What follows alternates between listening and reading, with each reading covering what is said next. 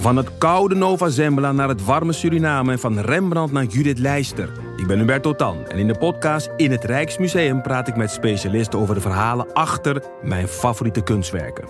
Nieuwsgierig? Beluister nu de nieuwe afleveringen. In de podcast Radio Romano met Noortje Veldhuizen Met Marcel van Roosmalen. En met Roelof de Vries. brengen we alle drie elke week een zogenaamde signalering mee. Wat heb jij nou weer bij je? En aan het eind bepalen we wie de winnaar van de week is. Echt een angstcultuur Lege huls die je er bent? Ja, dat gaat eigenlijk altijd onvriendelijk. Luister nu naar Radio Romano bij Podimo. Via podimo.nl slash Radio Romano luister je 30 dagen gratis. Welkom. Vanaf de redactie van de Groene Amsterdammer is dit uw wekelijkse podcast. Ik ben Stefan Sanders en ik presenteer vandaag. En het is een heel bijzondere aflevering. Want onze webredacteur Daan Stoop berekende dat dit de 200ste podcast is die de Groene eh, uitzendt. En dan denkt u, hoeveel luisteraars zijn dat? Dat zijn er 1,2 miljoen. Nee, niet per keer. Per keer zijn dat geloof ik 8000 of 9000. Nou, een beetje overdreven om te zeggen een mijlpaal. Maar een klein hoeraatje mag toch wel, hè? Hoera, hoera. Nou, dat was het formele deel. En ook nog eens een keer een hele bijzondere gast vandaag. Yvonne Zonderop. Publicist en welbekend bij de regelmatige Groene Lezer. Welkom, Yvonne. Fijn om hier te zijn. Ik ben een beetje verkouden, dus mijn stem is denk ik een halve octaaf lager dan gebruikelijk. Maar ik hoop dat ik niet in een hoestbui uit, eh, uitbarst. Nou, het moet klinkt, goed klinkt mooi. Dankjewel. Mensen kunnen je kennen. Ik ken je zo als oud-adjunct hoofdredacteur van de Volkskrant. Ja. Ook als bestuurder. Maar ook als de auteur van het boek Ongelooflijk over de verrassende comeback van religie. Nou ja, nogmaals heel fijn dat je er bent. Deze week een heel intrigerend artikel in De Groene van jouw hand over een nieuw begrip, brede welvaart. En hoe dat ingang vindt in de provincie Friesland. Straks meer daarover. Maar ook dit artikel maakt deel uit van een groter geheel. Je interviewt en je schrijft voor De Groene een reeks artikelen met als kop groeiende twijfels. Klopt. Nou, vertel, waar groeit die twijfel en waar gaat die twijfel dan over? Nou ja, wat je ziet, denk ik, is dat eh, we steeds meer twijfelen aan de vraag of economische groei nog wel wenselijk is. En volgens mij is dat een ontwikkeling die al heel lang gaande is eigenlijk, maar die, waar we heel moeilijk greep op krijgen. Kijk, ik kan het misschien het beste vertellen aan de hand van mijn eigen verhaal over mijn eigen ouders, die inderdaad zijn, eh, werden, geboren in de crisisjaren van de vorige eeuw. Eh, de crisisjaren hebben meegemaakt, de hongerwinter hebben meegemaakt. En na de oorlog eh, jong waren en het beter wilden krijgen zelf, voor zichzelf en voor hun kinderen. Ik denk dat we toen een hele lange, bijna aangesloten periode hebben gehad van meer groei, beter. Iedereen zou het beter krijgen, eh, materieel beter, ook zeg maar in democratisch opzicht beter, gelukkiger. Ik denk dat heel lang het idee van vooruitgang bestond uit het idee dat we het allemaal beter zouden krijgen. En dat ook een steeds groter deel van de wereld het beter zou krijgen. In de jaren negentig kregen we de globalisering, waar natuurlijk wel het een en ander aan negatiefs over te zeggen valt, maar die toch maar mooi miljarden mensen uit de armoede heeft gehaald. En heel veel meer welvaart, niet alleen in het Westen. Inderdaad. Zo is het, zo is het, zo is het. Dus heel lang denk ik dat eh, vooruitgang eigenlijk gelijk stond aan economische groei. En dan met name materiële groei. En de laatste jaren zie je steeds duidelijker dat we tegen een muur oplopen. Dat we meer groeien kan eigenlijk niet. Dat kan de planeet helemaal niet hebben. Ehm, meer materie maakt mensen ook niet per se gelukkig meer op een bepaald niveau. Wel ietsje, maar eigenlijk niet. Weet je, het resultaat daarvan is gewoon eigenlijk beperkt gezien wat het kost aan inspanning om mensen nog meer te laten groeien. Dus je twijfelt vooral aan het materiële vooruitgangsdenken. Zo is het, hè? ja, Het materiële vooruitgangsgeloof. Ja, ik twijfel daaraan. Ik zie ook steeds meer andere mensen daaraan twijfelen. En met name ook jonge mensen daaraan twijfelen. En eh, je ziet ook eigenlijk wel in de politiek. Al heel lang is er al eh, sprake van eh, pogingen om bijvoorbeeld het, het welvaartsbegrip, het BBP, om dat te veranderen. Er wordt Het dus heel veel bruto binnenlands product. product. Ja. ja. En dat is heel lang is dat de maatstaf geweest van economische groei. Maar ja, dat meet in feite alleen maar weer die materie. Dat meet alleen maar dingen die je kunt tellen. En dat meet bijvoorbeeld niet eh, sociale samenhang of eh, milieuwaarde of de, ja, de, het geluk wat je kunt ontlenen aan een mooie omgeving. Terwijl dat wel is wat mensen ervaren. Dus al heel lang eh, zijn economen en econometristen en politici op zoek naar een andere maatstaf. Nou, dat blijkt heel erg moeilijk. En ze hebben er nu eentje gevonden die niet echt een maatstaf is, maar die ze proberen te gaan toepassen. En die maatstaf die is brede welvaart. Kom ik zo op terug, brede welvaart. Maar ik wil nog even de link leggen met dat boek van jou. Ongelooflijk. Hè, want als niet-gelovige, althans niet een godgelovig mens, ben jij je in religie gaan verdiepen. En jouw conclusie was, er is een comeback gaande. En je hebt vooral onderzocht hoe de gemeenschapszin van oudsher door religie, religare, verbinden, Latijn, hoe die gemeenschapszin uh, ja, vorm kreeg. Ja. Eigenlijk hinkt dat toch wel degelijk ook tegen dit onderwerp aan. Nou ja, je kunt het inderdaad als een soort verlengstuk daarvan zien omdat ik eigenlijk bij al mijn denken en praten en interviewen en lezen over religie en het belang van religie ben gaan inzien dat we in dat hele vooruitgangsdenken uh, een hele belangrijke poot steeds meer zijn gaan verwaarlozen, namelijk de immateriële poot. We zijn dat vooruitgang heel erg gaan zien als iets materieels. En als je ook nog de, je immateriële welbevinden, inderdaad sociale samenhang, transcendentie, uh, de ervaring van schoonheid. Dat zijn we allemaal niet meer gaan meten. En dat, daar kregen we ook zoiets van, nou, dat moet iedereen zelf maar weten hoor. Want je, daar, daar gaan wij als politici ook niks van vinden. Daar is ideologisch niks over te vinden. Dat moet iedereen vooral voor zijn eigen, voor zijn eigen geluk maar doen.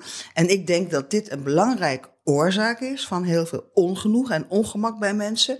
En sterker nog, ik ben er zelfs van overtuigd geraakt dat als we er niet in slagen om een ja, een ideologie te ontwikkelen of een ideeënpatroon te ontwikkelen waarin we ook ons de vraag stellen: wat is het goede leven?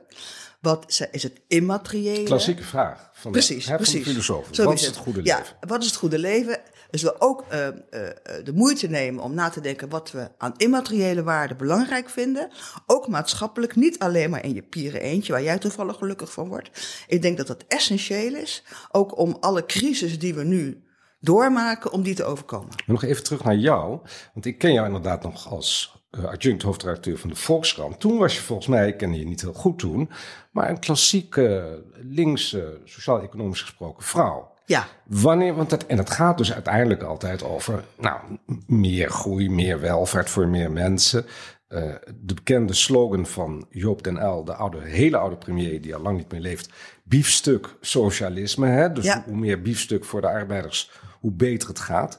Wanneer is dan bij jou die twijfel ingezet? Want ik ken jou dus uit de jaren 80, 90 Ja, van de ja. vorige eeuw. Nou, ik, weet dat, ik kan dat niet precies eh, eh, eh, terugvinden. Ik weet wel dat ik. Kijk, ik weet Den Uyl stond bekend om zijn biefstuk, maar Den Uyl las ook gedichten. In de jaren zeventig was de sociaaldemocratie ook nog een verheffingsproject. Het ging ook nog over beter onderwijs, meer cultuur. Het ging niet alleen maar over verhoging van het minimumloon, maar ook over hoe breng je een grote groep mensen in aanraking met andere waardevolle dingen. En ik denk dat we eigenlijk vanaf de jaren tachtig dat meer zijn kwijtgeraakt. En No het- nonsense. Hè, Ja, precies. De- no nonsense. Dus no alles wat we niet kunnen meten of stellen, dat doet niet meer mee. Nou, dat inderdaad. En een ideologie die je ook wel weer kunt verklaren. Weet je, in de jaren zeventig was er ook sprake van grote stagnatie. Maar toen zijn we heel erg op die markt gaan, gaan, gaan vertrouwen. En ik denk dat het eigenlijk. Ik weet nog dat ik ergens in de jaren negentig tot mij doordrong.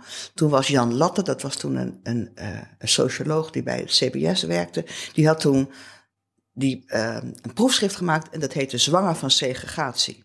En dat ging over de toen al eh, groeiende kloof tussen hogere en lage opgeleiden. En dat sprak mij enorm aan, want dat zag ik om me heen. Ik zag denk ik toen al dat de mensen uit elkaar begonnen te lopen.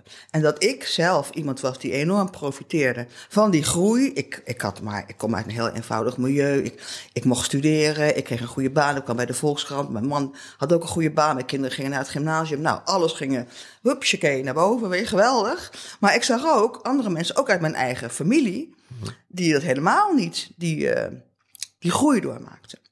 En ik denk dat mij dat op het spoor gezet heeft. Dat we uit elkaar begonnen te groeien. En dat zeg maar economische groei in zichzelf niet genoeg is om voor mensen om gelukkig te zijn. Voor een, eh, ook voor een, voor een gemeenschapswaarde is economische groei ook niet genoeg. En eh, ik denk dat ik toen al begon ook met. Ik ben ook, ook bijvoorbeeld voor de Volkskrant was ik op een gegeven moment ook ook het boekenkatern, kunstkatern vielen ook onder mij, omdat ik dat ook altijd belangrijk gevonden heb. Ik ben helemaal niet, je hebt van die economen, van die economische denkers, die eigenlijk alleen maar geloven in economisch nut. Nou, dat geloof ik helemaal niet. Ik zie wel dat economie ook belangrijk is. Maar um, ik denk dat toen bij de zaadje is geplant van we gaan uit elkaar groeien. En dat is nog steeds wel een zorg hoor, vind ik. Nou ja, dat verhaal van je familie vind ik een heel sterk voorbeeld. Uh, je hebt het nu over Friesland, de Friese paradox. Friesen zijn niet erg lijken als je het vergelijkt met andere uh, mensen in andere provincies. Maar wel gelukkig. Ze hebben een hogere werkloosheid, minder groei dan andere provincies, maar voelen zich eigenlijk veel beter. Ja, dat, is, dat is het verhaal. Eigenlijk. Dat is het verhaal. En dat is eigenlijk is dat natuurlijk heel ja, counterintuïtief, zeg maar. Dat je, dat je met een lage sociaal-economische status toch tot de gelukkigste Nederlanders kunt behoren. En ik kwam daarop omdat ik, ik wilde wat meer gaan schrijven over het begrip brede welvaart, waar we daar nog over komen te spreken. En toen zei iemand tegen mij: Je moet eens gaan praten met het. Uh, Fries Sociaal Planbureau. Want dat bestaat dus. Dat bestaat. Dus, de, gemeente, dus de, de, de, provincie Friesland heeft voor zichzelf een soort planbureau uh, in het leven geroepen. Net zoals de overheid dat heeft voor het Sociaal Cultureel Planbureau of het Centraal Planbureau voor Economie. En die moeten dus eigenlijk uh, ja, informatie en ideeën aandragen voor het beleid. En ik heb, ik heb de man geïnterviewd die daar, dan zeg maar het hoofd van het onderzoek, en die vertelde dat nou, jarenlang zaten die gedeputeerden met van onze groei loopt achter, onze werkloosheid is hoog. Zodra mensen een hogere opleiding krijgen, verlaten ze de provincie, gaan ze naar Groningen. Dus we blijven, blijven maar op dat lage niveau zitten. Wat moeten we doen om bedrijvigheid hier naartoe te trekken? Dus nog een bedrijvenpark aantrekken, nog meer uh, snelwegen bouwen. Maar het werkte niet. En hij zei op een gegeven moment moesten we constateren, dit werkt niet. We moeten de vraag anders gaan benaderen. En toen zijn ze een groot onderzoek gaan doen naar de vraag, wat zijn eigenlijk de goede punten, de goede kanten van Friesland? Volgens de Friese. Volgens de Friese. En daar kwam toen deze, die, die paradox uit. Dus mensen zeiden, ja, we hebben niet zoveel geld, we hebben niet zulke goede baan, we hebben niet zulke hoge opleiding, we hebben geen Zuidtas, we hebben geen koopgoot. Maar we hebben wel een prachtige omgeving. En we hebben sociale cohesie. We hebben de meanskip. En met name deze twee punten, dus het feit dat ze in een mooie natuur wonen, ook als ze weinig verdienen, maar wel gewoon zo de bossen in kunnen lopen of de polder in kunnen lopen. En dat ze een sociale samenhang ervaren, voor elkaar zorgen, die maken dat de mensen toch heel gelukkig zijn. Maar goed, dat minskip, dat is al een heerlijk woord, dat is een Fries woord. Ja. Uh, ik ben zelf opgegroeid in Twente, daar kennen we het nobbeschap, hè, dat Ja. is het nabuurschap. Maar daar hoort ook een nobbeplicht Zeker. bij. Dus Zeker. het minskip kent ook een minplicht. Zo is het. Het is niet alleen maar dat je gezellig bij elkaar gaat barbecuen Nee. of baby showers gaat vieren. Maar je moet ook helpen als iemand ziek is. Als iemand, je moet zelfs uh, met geld gaan collecteren als iemand uh, eens een enorme financiële ramp treft. Hè, dat soort dingen. Dus um, Het is, de, het, is de, het is de uitloper van een protestants-christelijke opvatting over hoe je moet leven. Dat vind je daar nog, in dat soort gebieden. minskip. Ja. Ik kon niet wachten in de jaren uh, zeventig om dat nobbeschap in Twente, de minskip, te ontvluchten. Ja. Want ik dacht, het is allemaal mooi en wel. Ja. Maar het is, komt allemaal veel te dichtbij en veel te veel sociale druk en socia sociale co cohesie. Zeker. Uh, dat is de schaduwkant, lijkt me. Dat is de schaduwkant. En ik zal je, Stefan van mij gaat eigenlijk hetzelfde. Ik, ik wilde ook niet in die beperking blijven. En ik denk dat jij en ik voorbeelden zijn van de mensen die tot die groep hoger opgeleiden zijn, behoren, die zich daar ook, ja, die zichzelf heel erg hebben kunnen, kunnen ontwikkelen en manifesteren. Maar er zijn heel veel mensen die wel genoegen nemen daarmee. Sterker nog, die daarnaar verlangen. En die helemaal niet allemaal, uh, zeg maar, dat, dat internationale leven willen leiden. Of die wil gewoon, die juist wel binnen zo'n raamwerk heel gelukkig zijn. En um, dat blijkt dus in Friesland. En het blijkt dus een belangrijke bron van, um, ja, van geluk voor de mensen. En dat zitten voordelen aan, want mensen zorgen voor elkaar. Maar er zitten ook nadelen aan. Jij vertelt al hè, dat jij, jij vond het veel te, veel, veel te benauwend. En ik kan me daar van alles bij voorstellen. Maar een punt wat ik ook in mijn verhaal uh, aanstip is. Uh, Minskip is ook, sluit natuurlijk ook uit. Nou ja, dat vind ik interessant. Je schrijft letterlijk, hè, mensen worden ook echt gevraagd, Friesen worden gevraagd. Het is niet van, van boven naar onder, maar echt van onder naar boven. Dus burgers, Friese burgers worden geïnterviewd. Uh, en dan vragen ze mensen, wat wilt u veranderen aan het dorp? En dan zeggen die mensen, nou, liefst zo weinig mogelijk. Precies. Dat is begrijpelijk, want ja. de mens is conservatief van hart over het algemeen. Naarmate, ja. Zeker naarmate die ouder wordt.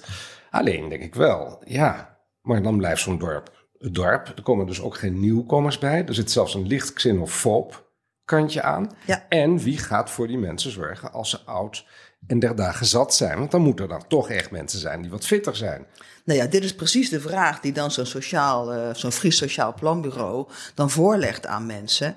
En dat vinden mensen natuurlijk moeilijk. Want dat is, dat is, en ook moeilijk om je voor te stellen. Ik denk dat ik het zelf ook moeilijk vind om mij voor te stellen hoe ik over twintig jaar, welke hulp ik dan nodig heb, zeg maar. En, en of ik dan inderdaad nog steeds met pannetjes soep, was ze bestaan, hè, vrouwen van in de tachtig die nog met pannetjes soep bij andere oudjes langs gaan. Dus, um, uh, maar dit is precies de vraag. De vraag is van, kun je, wat kun je behouden? En eigenlijk is dat waar, waar denk ik Friesland nu echt mee ja, nou worstel is misschien een te groot woord, maar ja, waar ze nu oplossingen voor moeten, voor moeten vinden. Want als je die meanskip, als je die, dat gevoel van geluk wilt behouden, hoe zorg je er dan voor dat ook nieuwkomers daar onderdeel van zijn? En kunnen zijn. En kunnen zijn. Mogen ze dat überhaupt wel? Precies. In het idee van meanskip? Ik, ik weet het niet. Nou ja, ik, ik, dat, eh, ik heb daar dus bijvoorbeeld, ik heb dan met een aantal studenten en docenten van het MBO, de grote MBO gesproken, Free Support. En daarin zie je dan dat die studenten die zeggen, ja natuurlijk, het gaat allemaal goed, die zijn optimistisch en jong. Maar die docenten die zeggen toch, ja, ze zijn wel anders. Hè? Want het gaat bijvoorbeeld ook over wat je nu al ziet. Dat Wie zijn onder anders? COVID, nou nieuwkomers. Ja, ja, ja, dus, ja. Dus, dus, dus wat je dus ziet is onder COVID zijn er natuurlijk ook in delen van Friesland, zijn er mensen uit de Randstad, uit Amsterdam, daar naartoe verhuisd. Die, uh, ja, die daar dus zomaar uh, probleemloos acht ton neertellen voor het grootste huis in Sneek. Waar uh, de rest van de bewoners allemaal om staan te duizelen. Want daar kosten die huizen natuurlijk veel en veel minder. En die dan weer zeggen: Oké, dan komt opeens iemand binnen, binnen, binnenvliegen uit Amsterdam. eh, En die gaat in een duur huis wonen. En hoort hij wel bij ons? Is en dat ook zijn dan nog wij? Nederlanders onder Dat zijn elkaar. nog hè? Nederlanders, Dus exact. moet je voorstellen dat de asielzoekers of. Oekraïners of Zeker. nou, noem, Zeker. Het, noem het Zeker. allemaal op. Of Zeker. gewoon een hele briljante Surinaamse chirurg die zegt: Nou, ik kom uit Den Haag, maar ik heb heel erg veel zin in een tweede huis in Lemmer. Ja. Want ik heb een hele mooie zeilboot. Dus hier kom ik. Ja, nou kijk, Marijn Molema, dat is dan die, die, die, die, die, die onderzoeksleider van het Fries Sociaal Planbureau, die zegt. Wat je zou kunnen proberen, en dat is, dat, dat is dan wat hij probeert aan te reiken als een mogelijke oplossing, is dat van als dan de, de provincie ook dingen wil behouden, zoals het kaatsen bijvoorbeeld. Die sport. Uh, die sport, hè, ja. Friese, of de Friese taal. Of, um, doe het dan op een manier die ook nieuwkomers uitnodigt om mee te doen. Dus steun dan die kaatsvereniging niet uit een soort uh, cultureel conservatisme van wij moeten behouden wat het was, maar steun het op een manier waarbij je ook nieuwkomers uitnodigt om mee te doen. En gebruik die traditie om ze op die manier um, onderdeel te laten zijn. Laat ze in ieder geval kunnen meedoen. Zo ik herinner me uit mijn jeugd, eh, 1961 geboren. Mijn vader was eh, eh, echt Twents, kon ook heel goed Twents spreken. Ook heel goed Nederlands, maar ook heel goed Twents. En die dacht op een gegeven moment Stefan moet integreren. Want dat, ik sprak eigenlijk zoals ik nu spreek. Dus toen op 12 jaar leeftijd werd ik op Twentse les gezet. Ja. Dat vond ik een totale ramp en dat Ja. heeft ook niet geholpen. dus ik bedoel, wanneer is het een mogelijkheid dat je iets mag doen, Fries leren, en wanneer wordt het dwang? Ja, nou ja, dit zijn goede vragen. En ik denk dat ze dat in de praktijk daar moeten gaan leren. Ik heb een vriendin die is naar Friesland verhuisd. Haar man was al gepensioneerd en die was- wilde het liefst gewoon de hele dag met zijn handen in de klei eh, lekker een beetje tuinieren. Dus die zijn daar inderdaad, hebben zo'n stolpboerderij gekocht. En eh, ja, die, ik begrijp van haar dat eh, als je namelijk gewoon vaak genoeg naar het dorpscafé gaat, dat je op enig moment wel wordt geaccepteerd. Dus het is ook wel. Heel veel rondjes geven, heel veel rondjes Nou ja, joh, nou ja, als dat het kost, weet je wel. Ja, ja. Ik bedoel, het is een. ehm, eh, is dus, dus dat, dit zal moeten blijken. Maar ehm, het interessante is dat hier in Friesland. Het eigenlijk is een voorbeeld, maar je ziet het ook in andere delen van Nederland. Dat er een vorm van regionaal beleid ontstaat. Waarbij regionale bestuurders zeggen: Oké, wij kunnen met de bewoners in onze buurt of in onze provincie of in onze, onze, onze regio eh, dit soort vragen bespreken. Van, jullie willen niet alles veranderen. De mensen die willen veranderen, die gaan ook naar de Randstad. Het, is, het sorteert zich voor een deel ook uit. Eh, maar er komen ook weer nieuwkomers terug. Hoe zorg je dat je de kwaliteit van, jou, ja, van jouw omgeving bewaakt op een moderne manier? Want je zei net iets over eh, generaties en ook de verschillen daartussen. Je haalde al even die man aan, die directeur van de grootste middelbare beroepsopleiding in Friesland. En die zegt hier heel, iets vind ik iets heel moois. Hij zegt, je hoeft hier niet vanaf je zestiende rendabel te zijn. Dat is ook de kop van je artikel Ja, in De Groene. ja. En wat hij eigenlijk zegt is, waarom gaan we alle zeg maar, surplus aan kennis eh, reserveren voor gymnasiasten, die dus Grieks krijgen en Latijn en filosofie? Ja. En waarom zeggen we tegen al die jongens en meisjes die naar de middelbare beroepsopleiding gaan, zo snel mogelijk klaarstomen voor de arbeidsmarkt? Niks extra's. En hij zegt, nee, dat gaan we dus niet doen. Dat gaan we dus ook breder maken. Ook een breder kennis, een breder welvaartsbegrip introduceren op zo'n MBO. Klopt. Nou, dat is waar. En dat is, daar neem, daarmee neemt u ook echt wat stelling in dat, in dat debat. Want je ziet inderdaad de druk op de MBO. Kijk, in Friesland is een MBO-provincie. De meeste, meeste jongeren die worden opgeleid voor een vakmens. Dat is het hoogste, het, meest Ja. voorkomende. Het meest voorkomende. Ja. Er is geen universiteit Nee. in Friesland. Er is niet. eh, en mensen die echt verder willen op dat vlak, die moeten toch naar Groningen of naar, of naar de Randstad. En eh, dus, dus die provincie die bestaat grotendeels uit mensen met een MBO-opleiding. En dat is ook het, voor de meeste jongeren de toekomst. En hij zegt dus: kijk. eh, van het, van het MBO wordt vooral heel erg gevraagd van lever nou maar gewoon goede vaklui af. En eh, laatst, hij citeerde nog in het interview wat ik met hem had, eh, een of andere politicus die zei van ja, als die, eh, als die jongens en meisjes niet snel van de MBO afkomen met een goede, met een goede vakdiploma, dan krijgen we die, die duurzaamheidsrevolutie nooit geregeld. Want er moeten toch handjes zijn die zonnepanelen gaan leggen, zeg maar. En, en hij zegt, toch wil ik daar voor waken. Hij zegt ook heel duidelijk. Als we in Friesland die minskip in een of andere vorm willen behouden, dan moeten we de jongeren meegeven dat dat bij hun leven hoort. En dat wordt ze helemaal niet meer zo vanzelfsprekend aangereikt als vroeger toen ze nog naar de kerk gingen. Dus is daar eh, voor een opleiding is daar een taak weggelegd om dat te zijn- doen. Ik kan me zo voorstellen dat er namelijk met name veel jongeren zijn, 15, 16, 17, 18, die erover denken om naar Friesland te verlaten. Ja. Om hun vleugels uit te slaan. Ja. Dat is iets wat pubers graag doen. Precies. Nou ja, ik, ik heb dus ik heb er een stuk of vier gesproken. En één meisje zei, nou, ik, eh, als ik hier klaar ben, ga ik wel weg. Maar er was ook een jongen die zei, nou, ik eh, ben helemaal ge- geïnspireerd om hier met lokale producten te werken. Het was dan een, een student voor eh, de horeca, kokken. En die studeert voor chefkok. En die wilde ook juist gaan werken met kwetsbare mensen. En dan daar een soort, ja, Zoals je ze tegenwoordig wel vaker ziet, een restaurant beginnen met mensen met afstand tot de arbeidsmarkt, die dan ook juist biologisch werken en dergelijke. En hij zegt dat er helemaal zitten. En hij zei ook, ik voel, vond ik interessant, ik heb het ook opgeschreven, ik voel wel die druk dat het nou op onze schouders ligt om dit in stand te houden. Dus, als- dus ik denk inderdaad, sommige jongeren zullen zeggen, nou, toedeledokie, ik ga mijn eigen, mijn eigen lot vinden.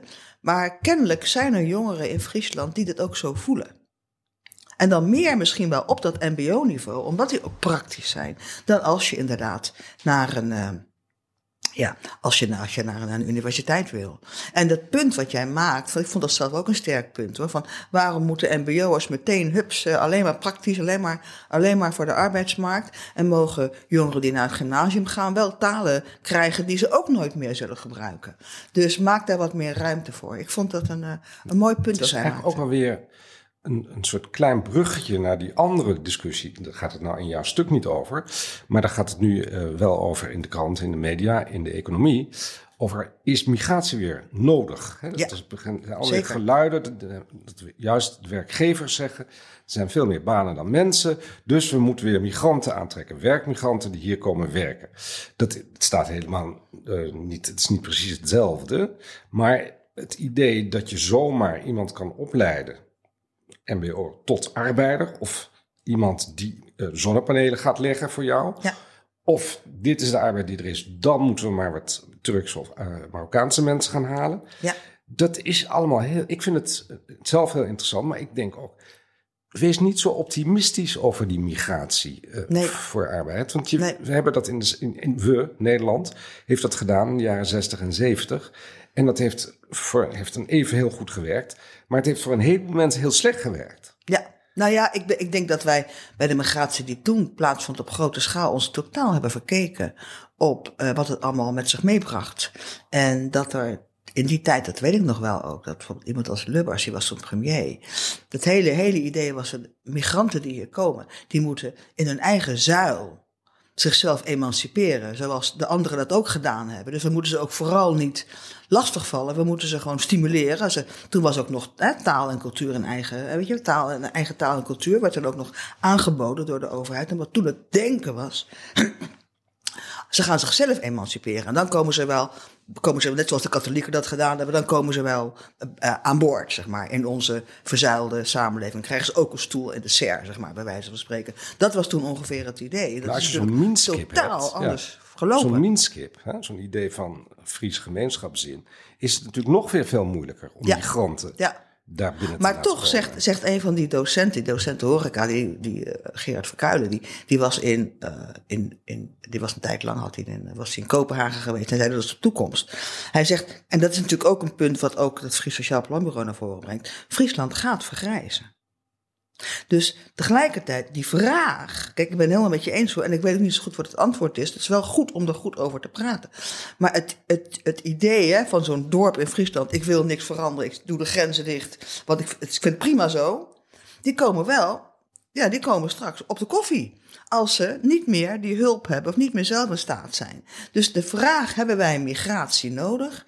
Kijk, ik vind zelf, maar het is eigenlijk iets wat buiten dit verhaal zit, maar ik vind het toch wel een punt om te maken. Ik vind dat wij te gemakkelijk nu weer zeggen van ja, dat is alleen maar een werkgeversbelang. Nou, het is helemaal niet alleen maar een werkgeversbelang. In het verpleegtehuis waar mijn moeder zat voordat ze overleed, was de helft van de medewerkers kwam uit allerlei delen van de wereld. En ik was dolblij dat die mensen bereid waren om mijn moeder te wassen. Want eh, die waren er in Nederland niet. Als we nou zeggen migratie van Twente naar Friesland. Wat zeg Ja. Dat is ook een migratie. Dat is ook een migratie. En dat is Dat misschien wat minder ingraap- ingrijpend. Ja, nou ja, ik denk zelf dat, dat dit, dit debat gaat ons de komende jaren weer enorm bezighouden. Ik eh, sprak uh, Monica Sie van Klingendaal, ik wil het toch even noemen, omdat ik een interessante gedachte vond. Die zegt, we moeten ons veel meer inzetten op partiële, eh, weet je, op een soort eh, tweesnijdend zwaard, waarbij migranten voor een tijdje hier komen en dan weer teruggaan in samenwerking met de landen daar, omdat die mensen hier ook dingen leren, waar ze dan in hun eigen land, hun land van herkomst, weer van waarde kunnen zijn. Maar dan moet dat ook wel, dan moet dat ook wel in samenwerking met dat land van herkomst gebeuren, zodat je ook echt weet dat dat gebeurt. Ik zie zelf wel kansen voor dat soort, dat soort ehm, initiatieven. Want als we alleen maar vergrijzen. Nee, kijk, dit, en dat is ook precies, kijk, groeiende twijfel, zo heet mijn reeks. En eh, die groei die loopt ook om deze reden terug. Omdat we gewoon de bevolking niet meer gaat groeien. En ook dan moeten we ons de vraag stellen: uh, is dat problematisch? En die, die, hele discussie die we nu in Nederland ook hebben over moet Nederland wel een. Wel een, uh, een hub zijn voor, voor Schiphol. En moeten wij nou, hè, moeten, moeten wij nou uh, zo'n transportcentrum. Wat is dat verhaal in de Groene laatst over die verdozing van Nederland? Wat ik een heel goed verhaal vond. Ook zeer reële vragen oproept. Als je bevolking gaat krimpen, moet je dat dan daarin stoppen, je energie? Nou, zeer de vraag. Nou ja, in ieder geval dit verhaal en ook dit gesprek heeft die groeiende twijfel niet weggenomen, maar toch weer op een heel veel hoger niveau gebracht. Dankjewel. Dankjewel, Yvonne. Dankjewel. De zon erop. Ik vertel nog even wat er verder nog in De Groene deze week te lezen valt. Een coververhaal over de leescrisis. Waarom lezen onze kinderen niet meer?